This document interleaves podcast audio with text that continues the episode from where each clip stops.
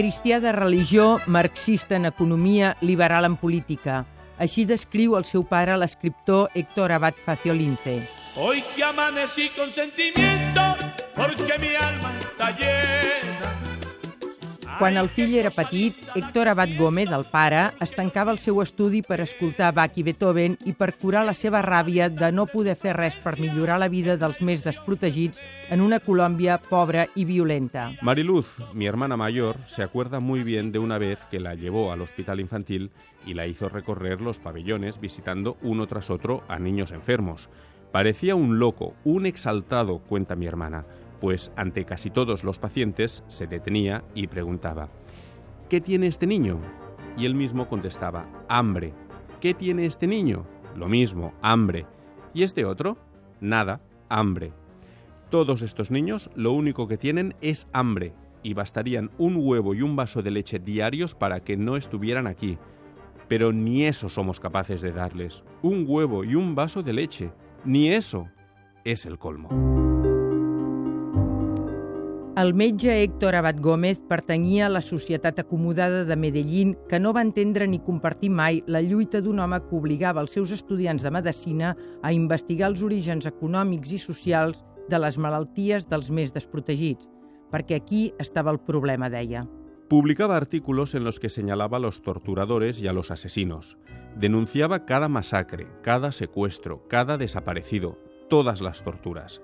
Hacía marchas de protesta, en silencio, con unos cuantos jóvenes y compañeros docentes que creían en la misma causa. Participaba en foros, conferencias y manifestaciones en todo el país. Y sobre su oficina se volcaban cientos de denuncias de los desesperados que no podían acudir a nadie, ni a los juzgados, ni a los funcionarios estatales, solo a él. Quan el van a jubilar-se anticipadament la universitat, Héctor Abad va passar a presidir el Comitè per la Defensa dels Drets Humans d'Antioquia, Lluitava, diu el seu fill, amb l'única arma que li quedava, la llibertat de pensament. Mi mamá era la única que no creía en estos rumores, nunca, ni al final, y hasta se enojaba cuando se los transmitían. ¿Cómo se les ocurre? A Héctor no le pueden hacer nada. Para ella, mi padre era un hombre tan bueno que nadie jamás se atrevería a atentar contra él. El van amenaçar moltes vegades, però no va voler exiliar-se ni va voler callar fins al 25 d'agost de 1987, el dia de la seva mort. Héctor Abad havia anat a donar el condol a la família de l'últim assassinat. És mort i jo no ho sé, diu el seu fill. És mort i la meva mare no ho sap, les meves germanes no ho saben, els seus amics no ho saben. La meva mare parla per telèfon amb una amiga. Han matat Héctor? Li dic que em sembla que sí. Dice uno de los testigos que una moto con dos jóvenes subió por la calle argentina, primero despacio y después muy rápido. Los tipos estaban recién peluqueados, dijo alguien más, con el pelo al rape típico de la milicia y de algunos sicarios.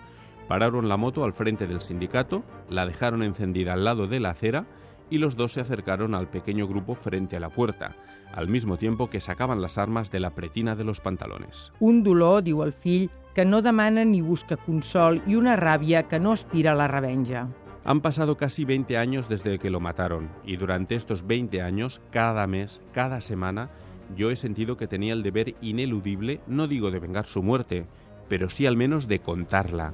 No puedo decir que su fantasma se me haya aparecido por las noches, como el fantasma del padre de Hamlet, a pedirme que vengue su monstruoso y terrible asesinato. Mi papá siempre me enseñó a evitar la venganza.